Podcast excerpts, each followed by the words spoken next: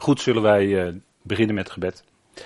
Vader, we danken u dat we zo zingend deze avond mogen beginnen. We danken u voor genade. We danken u voor de rechtvaardiging om niet door het bloed van Christus. We danken u, Vader, voor wat u tot stand bracht en dat we daar nu geestelijk van mogen genieten. Dank u wel dat u ons in genade geroepen heeft en ook doet leven in genade. Vader, dank u wel dat we ook daarvan met elkaar mogen spreken vanavond. Vergaat het rondom uw woord. We danken u voor datgene wat u mogelijk maakt.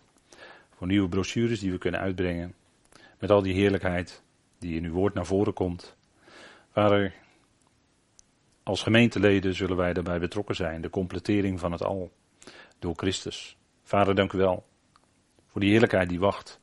Niet alleen voor ons, maar uiteindelijk ook voor heel de schepping. We danken u dat u ieder terecht zal brengen. We danken u voor het feit dat uw zoon werd opgewekt uit de doden en nu aan uw rechterhand is. Vader, dank u wel dat we u mogen kennen als de Vader van de heerlijkheid. En dat u roept en dat u niet loslaat wat uw hand begon, maar dat u uw werk zal voltooien. U maakt uw voornemen helemaal rond. We danken u daarvoor. We danken u dat we zo vanavond bij elkaar mogen zijn en leid ons in het spreken door uw geest. Ook in het luisteren bid u om de geest van wijsheid en onthulling in de erkenning van u. Dat we deze dingen van de Efezebrief mogen verstaan met ons hart en daar naartoe mogen leven. En nu al daaruit mogen leven in ons dagelijks leven. Vader, daar dank u voor, voor die geweldige kracht van u. We danken u voor die heerlijkheid. In de naam van uw geliefde Zoon, onze Heer, Christus Jezus. Amen. Goed, wij gaan met elkaar lezen en ik doe uit de papieren versie van de Efezebrief. En mocht u die niet hebben, dan heb ik ze hier beschikbaar. Dus misschien als u er wil hebben, dat die even rondgedeeld kan worden. We hebben gemeend omdat die boekjes uh, eigenlijk op zijn, nagenoeg uh, om het op A4 beschikbaar te maken voor u, zodat u op papier gewoon mee kunt lezen met de tekst. En Eventueel kunt u natuurlijk op internet meelezen in de vertaling die u wilt of in de NCV-app, wat u wilt. Het is allemaal beschikbaar. En ik lees met u vanavond eh, vanaf vers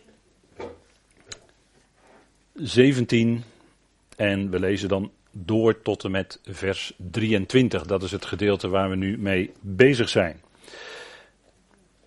En daar schrijft de apostel opdat de God van onze Heer Jezus Christus, de Vader van de heerlijkheid, jullie geeft een geest van wijsheid en onthulling in erkenning van Hem. Verlicht zijnde de ogen van jullie hart, opdat jullie zien wat de verwachting van zijn roeping is en wat de rijkdom van de heerlijkheid van zijn lotgenieting is te midden van de heiligen. En wat de overstijgende grootte van zijn kracht is voor ons die geloven.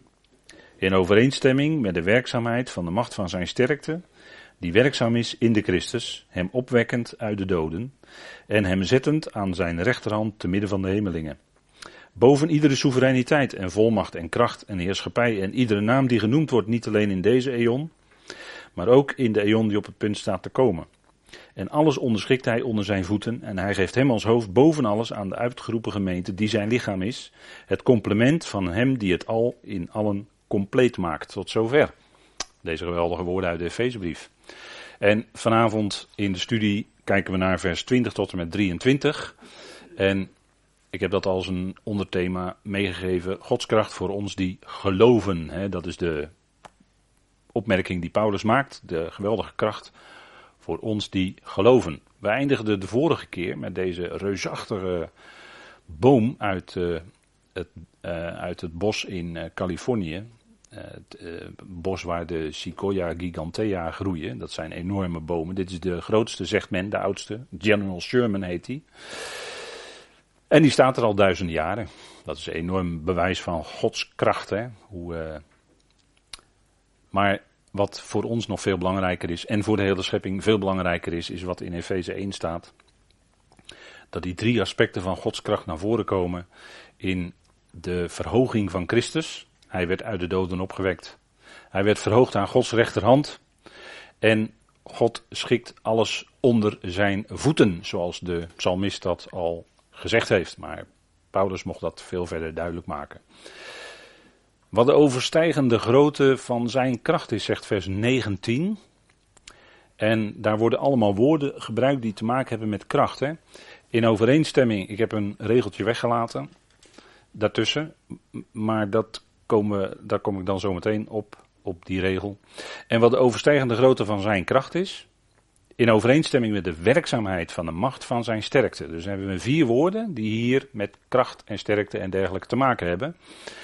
Dat woord kracht, dat kennen we wel, dat is dynamisch, hè, dat is dynamiet, hè, is ons woord van afgeleid. Een enorme kracht. En daar is waar het om gaat. Het gaat om de kracht van God. En die kracht van God, die doet zich op allerlei manieren kennen. Niet alleen in die boom die we net zagen natuurlijk in de natuur, maar ook in ons persoonlijk leven. En dan praat ik over de daadwerkelijke kracht van de geest van God die in ons werkt, de Heilige Geest van God waarmee we verzegeld zijn. Dat is die kracht die in ons werkt. Dat is die kracht waarmee hij zijn zoon heeft opgewekt uit de doden. En waarmee hij hem heeft verhoogd aan zijn rechterhand. En die kracht die werkt door in zijn werkzaamheid. Het is de werkzaamheid van de macht van zijn sterkte. En dat wordt zichtbaar in zijn daden. Allereerst en allerbelangrijkste in zijn daden met zijn eigen zoon, zijn Christus. Die hij heeft opgewekt uit de doden en hem gezet aan zijn rechterhand. Dat is een enorme betoning van de macht van zijn sterkte. En van zijn werkzaamheid.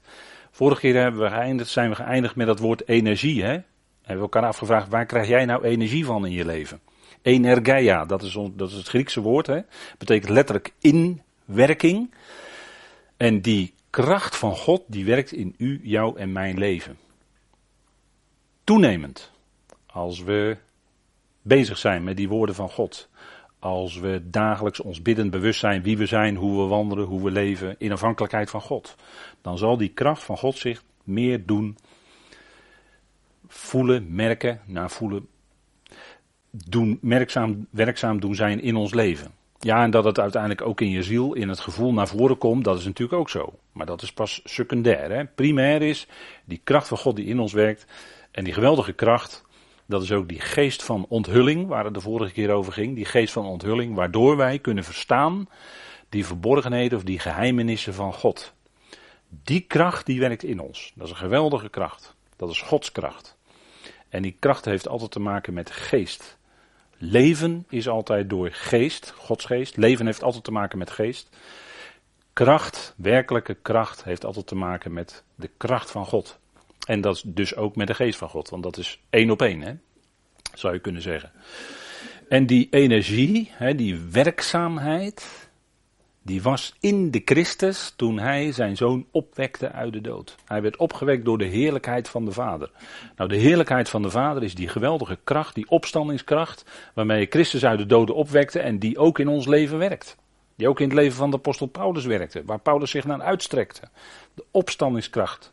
En Paulus bad erom dat hij nu al in zijn leven, in zijn dagelijks leven, nu op aarde, terwijl hij nog in het oude lichaam was, hè, terwijl hij nog met het oude lichaam behept was, dat die, die opstandingskracht nu al in zijn leven zichtbaar zou zijn. En dat is die geweldige inwerking van zijn kracht, die allereerst in ons merkbaar wordt als wij zijn woord verstaan, als we God gaan danken voor die genade, als we iets van die genade gaan begrijpen, iets van het evangelie gaan begrijpen, dan is dat Gods kracht die in ons werkt en waardoor wij het kunnen verstaan. Dat hebben wij nodig, want met onze eigen menselijke geest kunnen wij dat niet zomaar vanzelf verstaan of begrijpen. Nee, daarvoor is onthulling nodig, die geest van onthulling.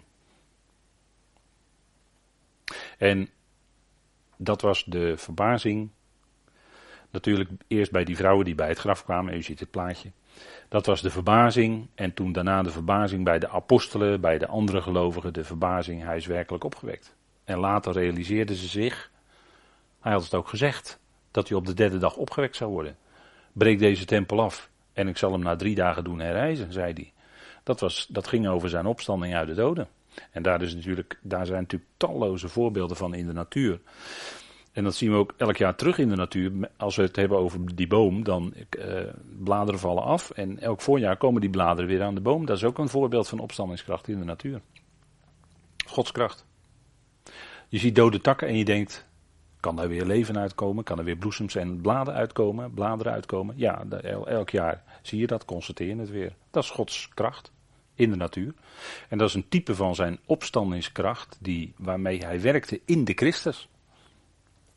die werkzaamheid, dat is een geweldige inwerking waarmee hij ook in de apostel Paulus werkte, zodat hij kon zeggen, zie ik heb meer gearbeid dan zij allen. Dat bedoelde de apostelen van de besnijdenis mee. Maar niet ik, zei hij tegelijkertijd erbij, maar de genade van God die met mij is. En die genade van God, dat was die opstandingskracht, want daar gaat heel 1 Korinthe 15 over. Daar hebben we afgelopen zondag over horen spreken. Goed, en Gods kracht bleek, en dat is verrassend, want dat gaat voorbij aan alle gedachten van mensen, laat ik het zo maar zeggen, gaat voorbij aan alle gedachten van mensen. God doet datgene wat ongedacht is bij mensen. En hij wekte zijn zoon op uit de dood tot verbazing. En die sterkte, ja, dat is ja, gewoon het woord sterkte. Maar die, als, als iemand sterk is, hè, als iemand sterk is en kan blijven staan onder een gegeven situatie, daar is sterkte voor nodig. Maar die sterkte heb je door zijn kracht. Dat hangt allemaal met elkaar samen. Het is allemaal afhankelijk van zijn kracht. En macht is dat je iets kan houden. Hè? Dat woord, het Griekse woord, u ziet de Griekse woorden hier staan. Dat woord macht heeft te maken met houden, iets vast kunnen houden. Daarvoor heb je ook kracht nodig. Hè? Als jij een eh, tennisbal zo wil vasthouden in je hand, dan heb je daar kracht voor nodig. Heb je die kracht niet, dan valt hij zo uit je hand. Maar om dat vast te houden, dat is ook een bepaalde macht.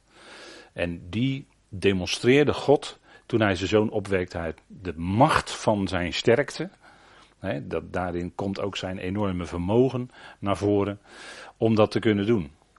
Nou, dat is natuurlijk de heerlijkheid van de Vader, want daar gaat het over. Het is de Vader van de heerlijkheid, in vers 17. Jullie geeft een geest van wijsheid en onthulling. En die Vader van de heerlijkheid heeft ook zijn zoon opgewekt. En ik haalde net even Romeinen 6 aan. Dat Christus is opgewekt door de heerlijkheid van de Vader. Dat is die geweldige kracht van, van God. En als je die kracht waardeert als gelovige, als je die kracht erkent in je leven, die opstandingskracht, en je wilt je ook daaraan onderschikken aan God, hè, aan, aan die kracht van God, dus ook aan het woord van God, want het woord van God heeft kracht. Hè.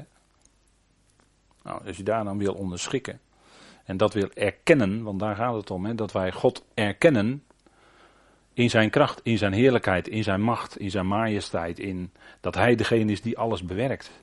Dat is erkenning, want een mens wil van nature zelf de dingen regelen, wil zelf de dingen voor elkaar boksen, wil zelf, eh, noem maar op. We zien in uh, zoveel jaren, zoveel eeuwen, in deze boze aion menselijk bestuur. Hè. Sinds uh, Noach zien we menselijk bestuur.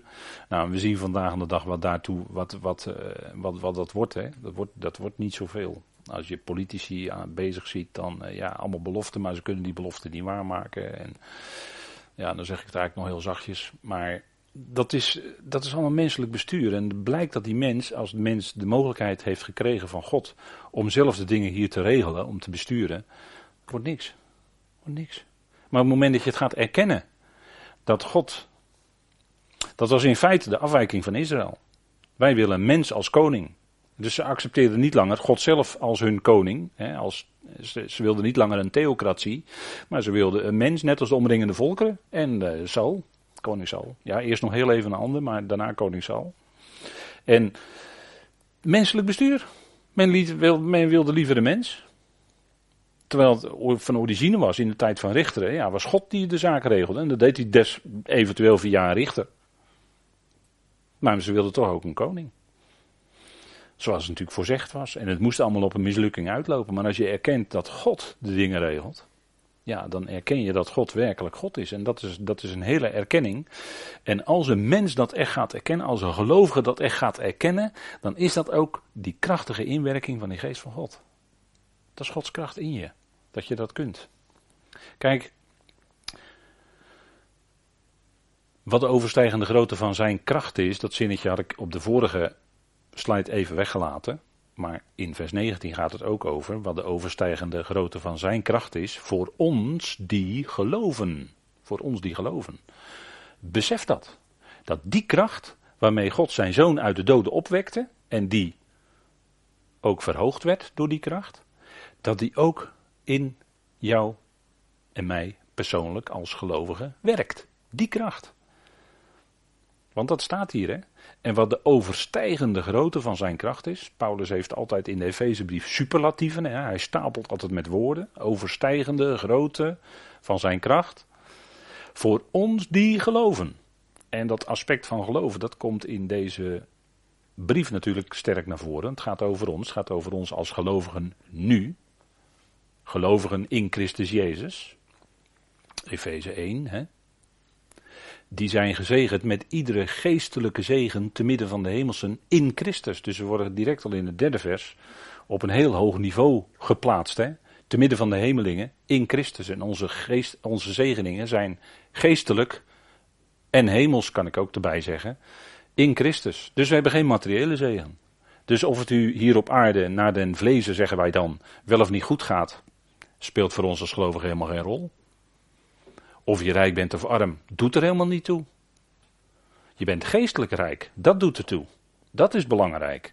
Dat, en dan kun je materieel arm zijn, en toch van binnen enorm rijk. En dan kun je arm zijn, maar dan kun je, kan je gezicht stralen van Gods liefde, van wat God in je leven doet.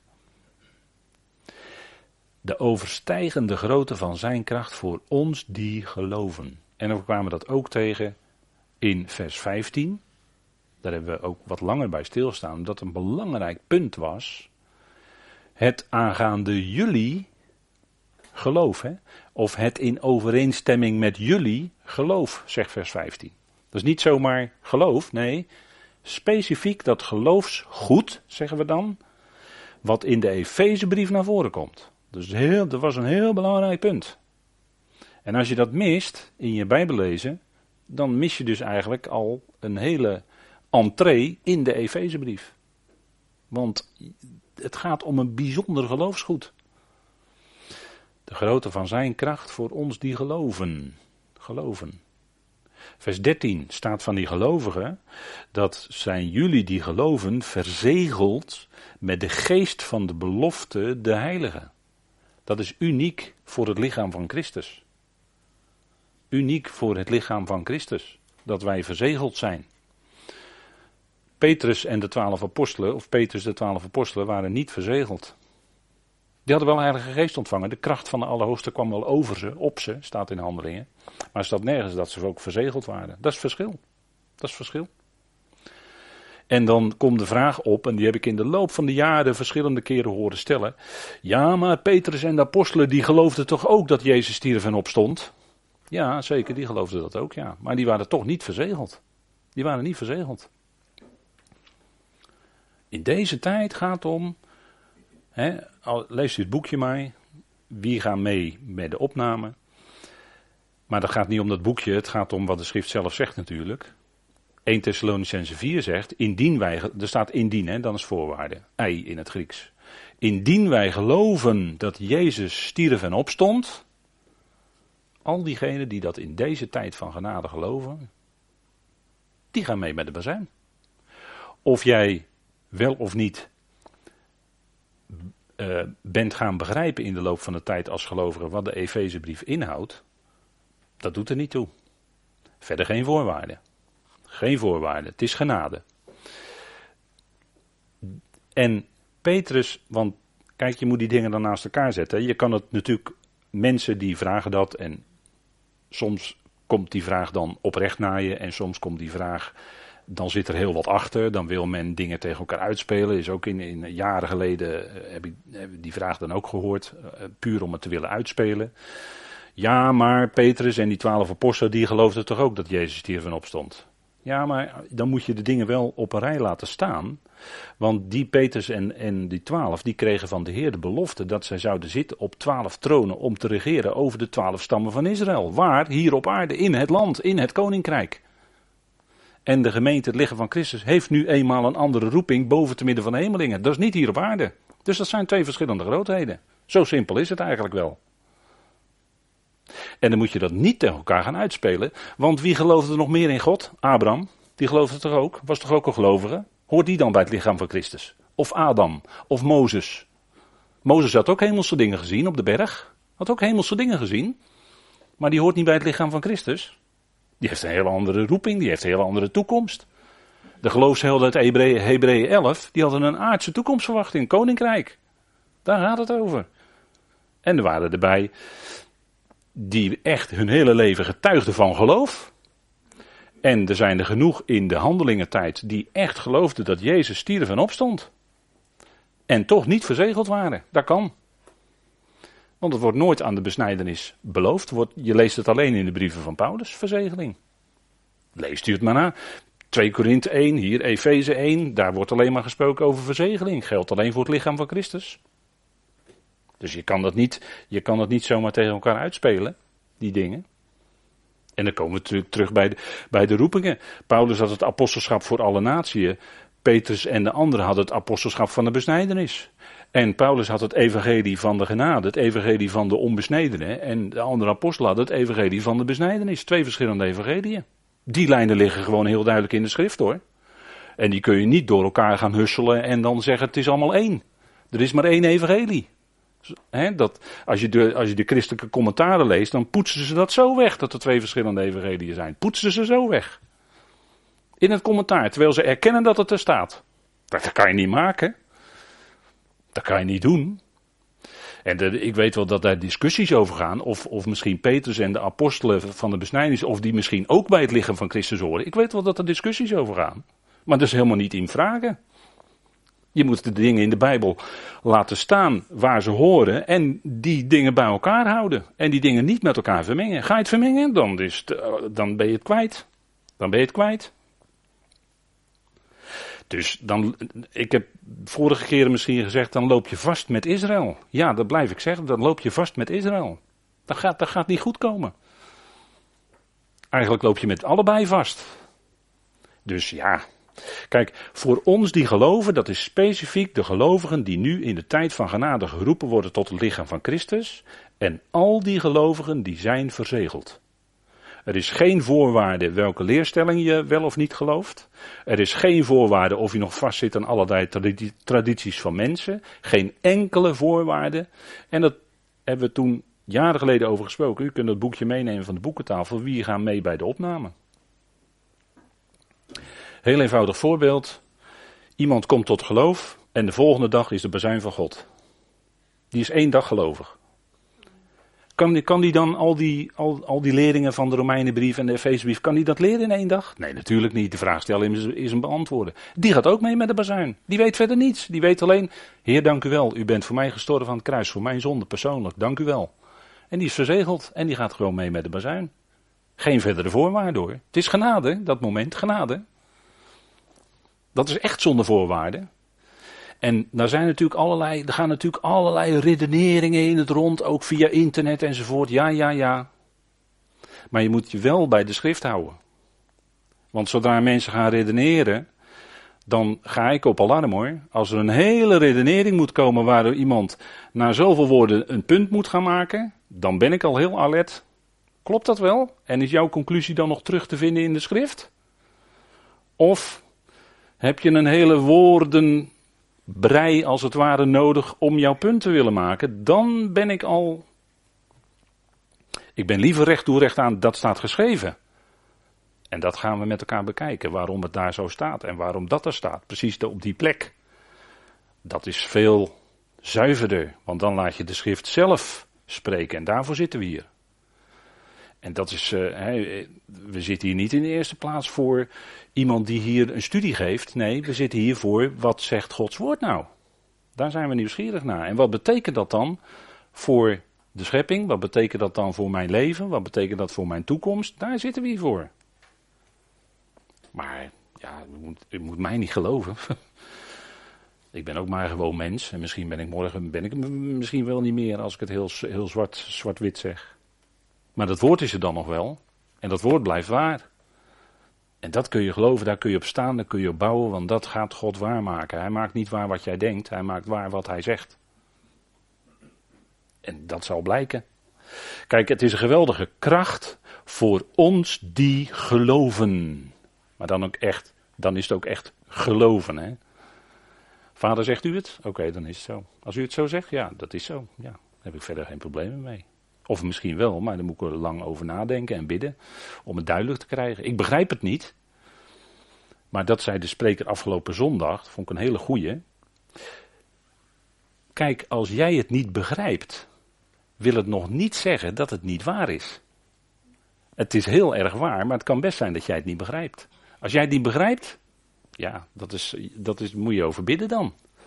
Dan moet je met God in discussie misschien, of met God in gesprek. Van vader, wat betekent dit? Ik begrijp het niet. Maar het staat er wel en wat er staat is waar. Dat verandert niet. Dus het hangt niet af van ons begrip. Het hangt niet af van wat wij ervan vinden of zo. Nee. Dit is het. Voor ons die geloven, degene die nu geroepen worden, en dat lees ik hier, die worden verzegeld. Dat is een waarborg van onze lotgenieting. We hebben al een aanbetaling ontvangen, notabene. De garantie is er al. U, jij en ik zijn ermee verzegeld met die geest. Kan, kunnen we nooit ongedaan maken. Dat is toch fantastisch? Nou, dat is voor ons die geloven. Ja. En er waren er veel meer die geloven. Maar de ene die gelooft, die komt in het komende koninkrijk op aarde. En de andere die gelooft, die komt in de komende eonen te midden van de hemelingen. Dat is nou helemaal. En dan kun je zeggen, ja, waarom? Uh, ja, maar hoe dan? Nou ja, God doet het zo. God doet het zo. Zo zegt hij het. Dus zo richt hij zijn plan in. Ja. Voor het overige, mijn broeders, en deze haal ik er even bij omdat het in de structuur bij elkaar hoort, de wapenrusting. Want als je dat lotdeel waar, waar Efeze over spreekt, hè, wij zijn lotdeelbezitters, te midden van de hemelingen, fantastisch hoor. En als je dat bewust wordt, die geweldige boodschap van de Efezebrief, dan heb je ook je wapenrusting nodig. Want dan krijg je te maken met vurig pijlen, weet u wel. Met strategieën van de tegenwerker. En die hebben heel vaak te maken met wat de schrift zegt. En vandaar ook, waar ik het net heel even over had, discussies over een aantal, laten we maar zeggen, wezenlijke punten. Dat heeft ook hiermee te maken natuurlijk. En hier gebruikt Paulus ook die woorden kracht, macht en sterkte. Net als in Efeze 1, dezelfde woorden gebruikt hij. Wordt krachtig gemaakt in de Heer en in de macht van zijn sterkte. Gaat alsjeblieft niet proberen in jouw eigen kracht te doen, zo kan ik het ook zeggen. Maar doe het in zijn kracht. Laat, hij, laat God in je werken, laat de Heer in je werken met zijn kracht. Want daar gaat het om. En we zeggen ook wel al zingend tegen elkaar, laat hem besturen, waken. Ja, ja, ja, zeker, zeker. Want we willen zo graag zelf ons eigen leventje besturen. U weet wel, dat eigen leven, weet u wel.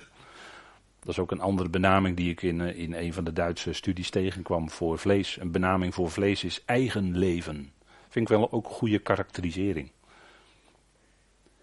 En wij leren, naarmate we ouder worden, naarmate we langer op weg zijn in geloof, leren wij ook om de dingen aan God over te laten. En soms moet je ook wel, want soms wordt het gewoon uit je handen weggenomen, wordt gewoon uit je handen weggeslagen. Dan moet je wel. Kan je niet anders. En soms brengt God je in een positie dat je niet voor of achteruit kan en niet opzij, maar wel omhoog, want je kan wel bidden. En dat, dat kan best zijn dat die positie dan even heel goed voor je is, om te leren dat niet jij het heft in handen hebt, maar dat God het heft in handen heeft in jouw leven. En dat God jouw leven bestuurt.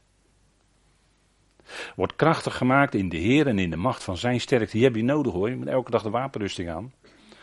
En uh, ja, dat schild en, het bosschild om en uh, met waarheid, weet je wel. En uh, ja, al die dingen. Ja, en daarin blijven staan, want het gaat, om, het gaat niet om aan te vallen, maar het gaat om staan, stand houden, dus verdedigen. Staan, weerstaan, stand houden, staan. Die woorden worden allemaal gebruikt, vier keer hè. Duidelijker kan het niet, denk ik. In de wapenrusting, want die macht van de boze, we leven in de boze eon, die macht van de boze, geestelijke machten in de lucht zijn die, die zijn om ons heen in de lucht. Je, zegt wel eens, het hangt, het hangt kennelijk in de lucht. Ja, dat is ook zo. Dat zijn die machten en krachten die via mensen, want het gaat altijd via bloed en vlees, sturen ze die pijlen op ons af. En hebben we, en hebben we die wapenrusting nodig. Hebben we dat langschild van het geloof nodig. Hebben we die verdediging nodig om te kunnen standhouden, te kunnen blijven staan. En, en ja, als je dat, dat schild van het geloof laat zakken, dan heb je een goede kans natuurlijk dat een, vroeg of laat gaat een pijl jou een keer treffen. Brandende pijlen, dan gaat het, wordt het, gaat het branden in je, zeg maar. Die wil jouw geloof dan afbranden. Laat ik dat woord dan maar gebruiken. Dus dat hebben we nodig, macht van zijn sterkte. Maar die is enorm, hè, want kijk, hij zit aan de rechterhand van God. Uh, het is niet langer zo dat hij staat, dat was in handelingen, weet u nog wel, toen Stefanus gestenigd werd. Toen zei uh, Stefanus, hij keek, hij keek opwaarts en uh, hij bad, vader vergeef het hun, want ze weten niet wat ze doen. En toen keek hij en toen zag hij de Heer staande aan de rechterhand van God. Zag hij Jezus staan, de verheerlijkte Heer. Nu niet. Hij staat nu niet, hij zit nu. Dat staat hier, hè? Die hij werkzaam doet zijn in de Christus hem opwekkend uit de doden. Mooi hè, staat in de aorist. Hem opwekkend, is een feit dus, uit de doden. En hem zetten, is ook een feit. Aan zijn rechter, en dan heb ik hand dun gedrukt hier, en andere een beetje grijs. Hand staat niet letterlijk in het Grieks. Aan zijn rechter, dat is de plaats van macht, hè, dus beeldspraak. Te midden van de hemelsen. Dat is zijn positie nu, te midden van de hemelsen. Daar brengt de Efezebrief ons ook, hè. te midden van de hemelingen. Dat is onze plaats nu, boven. Dus ja, uh, inderdaad, grote hoogte. Grote hoogte. Maar het is niet zomaar tot stand gekomen. Dat ging niet zomaar. De weg van God is door lijden heen naar heerlijkheid. En dat is in één zin gezegd, maar daar doe je een heel leven over. Het lijden van nu is er. En wij als mensen, ook als gelovigen, misschien nog wel extra, omdat we geestelijk lijden. Onder de geestelijke stenen die we af en toe aan ons hoofd krijgen.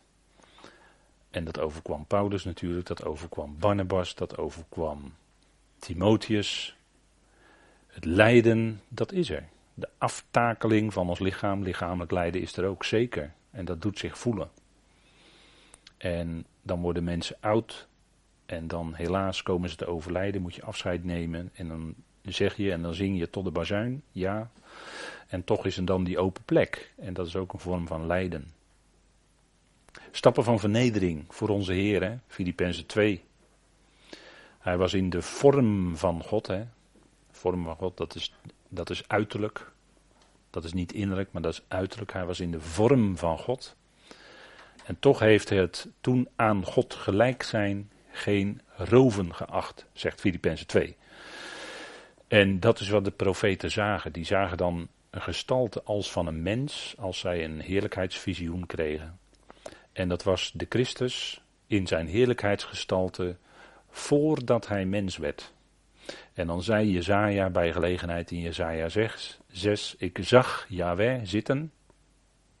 Ik zag Yahweh zitten op een hoge en verheven troon. De Jood zou zeggen, dat kan niet, want Yahweh is... Uh, dat is eigenlijk de ensof, hè? dat is de onzichtbare, die wij niet kunnen zien. Dat, dat klopt, dat klopt. En toch zagen ze Yahweh. Hoe kan dat? Nou, in het beeld. Het beeld is Christus. Christus in zijn heerlijkheidsgestalte, voordat hij mens werd. Ezekiel, dat visioen memoreerde ik ook de vorige keer, in Ezekiel 1, die zag een visioen met allemaal raderen, weet u wel, en, en ogen. En, en dan bovenin zag hij een, een gedaante als van een mens. En het is heel goed mogelijk dat het Christus was in zijn heerlijkheidsgestalte voordat hij mens werd. Hij was in de vorm van God. Zo vat Paulus dat door God geïnspireerd meesterlijk samen hè, in Filippenzen eh, 2. En hij was toen, en hij heeft dat aan God gelijk zijn geen roven geacht. Maar hij heeft zichzelf ontledigd, staat er dan. Hè. Dat, dat woord leegmaken wordt dan gebruikt in het Grieks. Hij heeft zichzelf daarvan ontledigd. En heeft de gestalte of de vorm van slaaf aangenomen en is aan de mensen gelijk geworden. Dat, is, dat zijn allemaal stappen die ik u nu vertel, zijn allemaal stappen van vernedering. U moet het maar eens nalopen in, uh, in Filippenzen 2. En uiteindelijk is hij gehoorzaam geworden. Hij heeft er zich verootmoedigd, staat er dan. Hè? Hè? laag, laag. Heeft hij zich verootmoedigd en is gehoorzaam geworden tot de dood. Maar niet zomaar een dood. Zelfs de dood van het kruis, waar een crimineel in die tijd werd terechtgesteld. En was vaak het lot van slaven in die tijd ook. Zo ver, zo diep ging zijn vernedering. Hij die zonder zonde was. Hij die nooit iets sprak waar bedrog in zat. Hij die volkomen gaaf was. Hij werd gekruisigd. Hij werd gekruisigd. Hij werd vernederd tot en met de dood van het kruis. Ja, zo diep is het gegaan. En zo diep ging zijn lijden. Zo diep ging zijn lijden. En dat staat in contrast met de enorme heerlijkheid die wij hier lezen. dus het is niet zomaar dat hij verhoogd werd. Hij werd opgewekt uit de doden. Ja, wat ging daar aan vooraf? Hij is daadwerkelijk gedood geworden. Hij is terechtgesteld onder Pilatus. Stappen van verhoging zien we in Filippenzen 2 bijvoorbeeld ook. Hè? Dat God hem de naam heeft gegeven, boven alle naam. Jaweh is redder.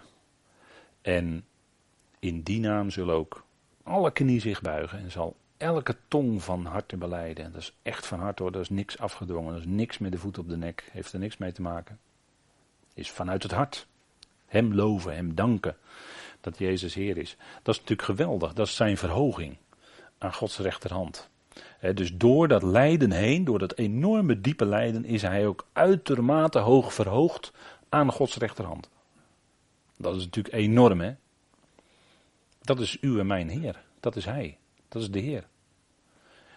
Die zo ver daarboven alles is gezet. Hè? En te midden van de hemelsen, boven al die, niet alleen aardse, maar ook boven al die geestelijke machten en krachten is Hij gezet, hè, nu al. En, en dat is natuurlijk geweldig wat, wat zijn verhoging is. Zittend aan de rechterhand van God. Gaat volkomen volgens plan. Hij is niet in paniek. Maar het gaat volgens plan. Hij werkt het voornemen van de eonen werkt hij uit. En het gaat volledig, zoals God het bedoeld heeft, gaat volledig volgens plan.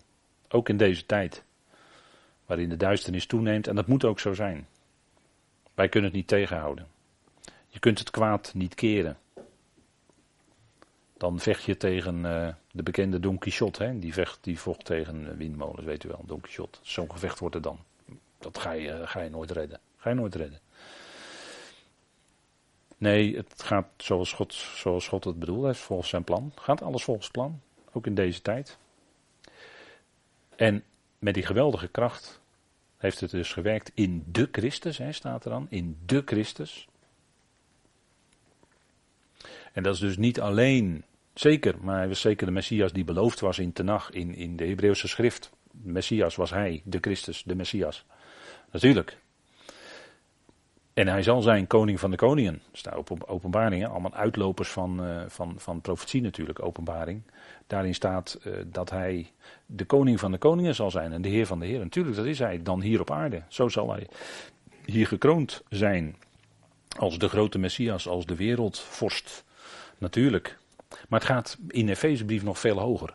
Het gaat in de Efezebrief om dat hij ook gezet is boven de geestelijke machten en krachten. Dus hij zal straks niet alleen op aarde zal zichtbaar zijn dat hij koning van de koningen is. Maar hij is nu al gezet daarboven. Met de uitwerking dat in de komende tijden, komende eonen, zal dat uitgewerkt worden dat allen zich zullen onderschikken. Al die geestelijke machten en krachten ook zullen zich onderschikken aan de Christus. Of zullen onderschikt worden, hoe moet ik het zeggen, aan de Christus. Dat is zijn positie nu, hè. Boven alles. Kijk, als we een idee, als u een idee wil hebben van, van die geweldige kracht van God, dan kun je dat in contrast lezen in Colossense 1. En dat ziet u hier op deze slide.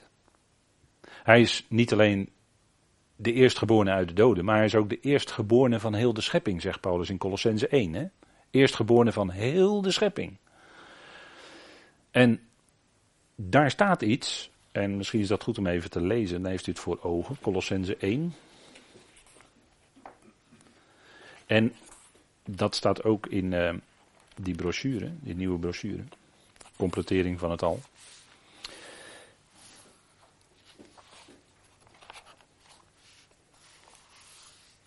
Colossense 1. Hij is het beeld, vers 15. Hij is het beeld van de onzichtbare God de eerstgeborene van heel de schepping. Want in hem is het al geschapen. Dan moet je even nadenken, bedenken wat hier staat. Hè. In hem was het al geschapen. Dus al die kracht, al dat vermogen om het al te scheppen, die waren in beginsel, in eerste instantie, allemaal in hem gelegd. Dat staat hier, hè? Hij is het beeld van de onzichtbare God, de eerstgeborene, dat is beeldspraak, dat is een figuurlijk taalgebruik. De eerstgeborene van heel de schepping, hij was de eerste. En in hem, in die zoon van zijn liefde, die het beeld is van de onzichtbare God, in hem is het al geschapen, staat er. In hem is het al geschapen. Dus al die kracht, die was eerst om, om alles te kunnen scheppen, alles te kunnen uitwerken, was eerst in hem. En is ook vervolgens door hem, heeft ook door hem gewerkt als uitwerking dat al wat verder er moest komen geschapen werd. Maar het was allemaal eigenlijk vervat eerst in die ene, die het begin is, die de hoogste is. En dan is het ook door hem geschapen. Door hem. God gaf aan de Christus het vermogen om ook verder die schepping voor te brengen. In hem is het al geschapen wat in de hemel op de aarde is, zichtbaar, onzichtbaar. Dus niet alleen de zichtbare schepping, maar dus ook die onzichtbare, waar we het ook nu specifiek over hebben binnen het kader van de Efezebrief. Het zijn tronen, heerschappijen, soevereiniteit, volmachten. Het al is door hem en ook tot hem geschapen. Het zal uiteindelijk ook tot hem in zijn. Het zal uiteindelijk ook tot hem leiden. Tot uiteindelijk wat in vers 20 staat. Want daar komt weer hetzelfde naar voren in feite. Het hele complement, vers 19, heeft er het welbehagen in om in hem te wonen en door hem het al wederzijds met zichzelf te verzoenen, vrede maken door het bloed van zijn kruis, door hem het zijn wat op de aarde, het zijn wat in de hemelen is. Dus niet alleen de zichtbare, maar ook de onzichtbare. En het is allemaal door hem, het staat twee keer door hem. Hè? Dus door die Christus, door de zoon van zijn liefde. Daardoor, dat is het grote instrument van God, waardoorheen hij, hè, door die Christus bewerkt hij ook de verzoening. En dat is natuurlijk geweldig, dat het al, dus het zichtbare en het onzichtbare, dat het alles weder verzoend zal zijn met God. En, en dat is die enorme verandering van vijandschap naar vrede, die we hier lezen. En die hemelse krachten, macht en krachten, ja. Kijk, en dan zien we dus iets van die geweldige kracht van God. Als je, als je dat op je in laat werken. Dat is eerst al die kracht om dat te kunnen scheppen in de zoon was gelegd. De zoon van zijn liefde. En vervolgens door hem uitgewerkt werd. Dat geldt ook voor dat hij de eerstgeboren is uit de doden. Want dat staat ook in Colossense 1, maar dan in vers 18. Hè? Hij is het hoofd van het lichaam, de uitgeroepen gemeente, die de soeverein is. De eerstgeborene uit de doden. Wordt opnieuw die beeldspraak eerstgeborene gebruikt. Hè?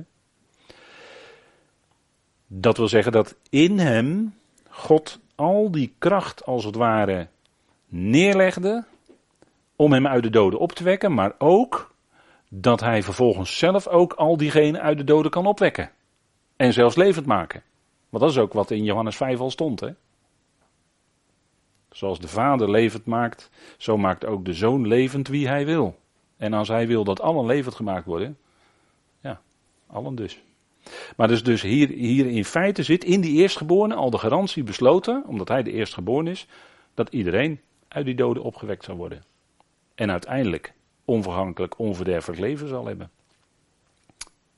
Dus de kracht om al die doden op te wekken, in de eerstgeborene uit de doden, is gelegd door vader bij zijn opwekking uit de doden. En, daardoor, en, en daarvoor had hij al die kracht, hè, de Heer, om Lazarus uit de doden op te wekken. Om het dochtertje van Jairus uit de doden op te wekken. Om de jongeling van Aaien uit de doden op te wekken. Maar dat deden Elia en Elisa ook. Opwekking uit de doden. Dus dat is op zich niet, maar opwekking en dan levendmaking. Dus om niet meer te sterven daarna. Dat heeft hij ook gekregen, het vermogen. Hè? Dat is heel bijzonder. Dat is heel bijzonder. Als je die twee aspecten goed overweegt vanuit Colossense 1, hè, dat kun je hiernaast leggen, naast deze tekst uit Efeze, dan kom je onder de indruk van de enorme kracht van God. Want dat is, dat is het punt, hè, die enorme kracht van God. Waarmee God niet alleen in staat is om alles door hem te scheppen, maar ook door hem alles wederzijds te verzoenen. Weder te verzoenen. Dat is natuurlijk enorm. En die kracht werkt ook in ons, hè, die geloven. Dat, dat, ja, dat zijn natuurlijk geweldige woorden. Hè. En hij is verhoogd, en dat is boven een hele rangorde uit. En, en dat gaan we doen na de pauze, want het is uh, pauze. We gaan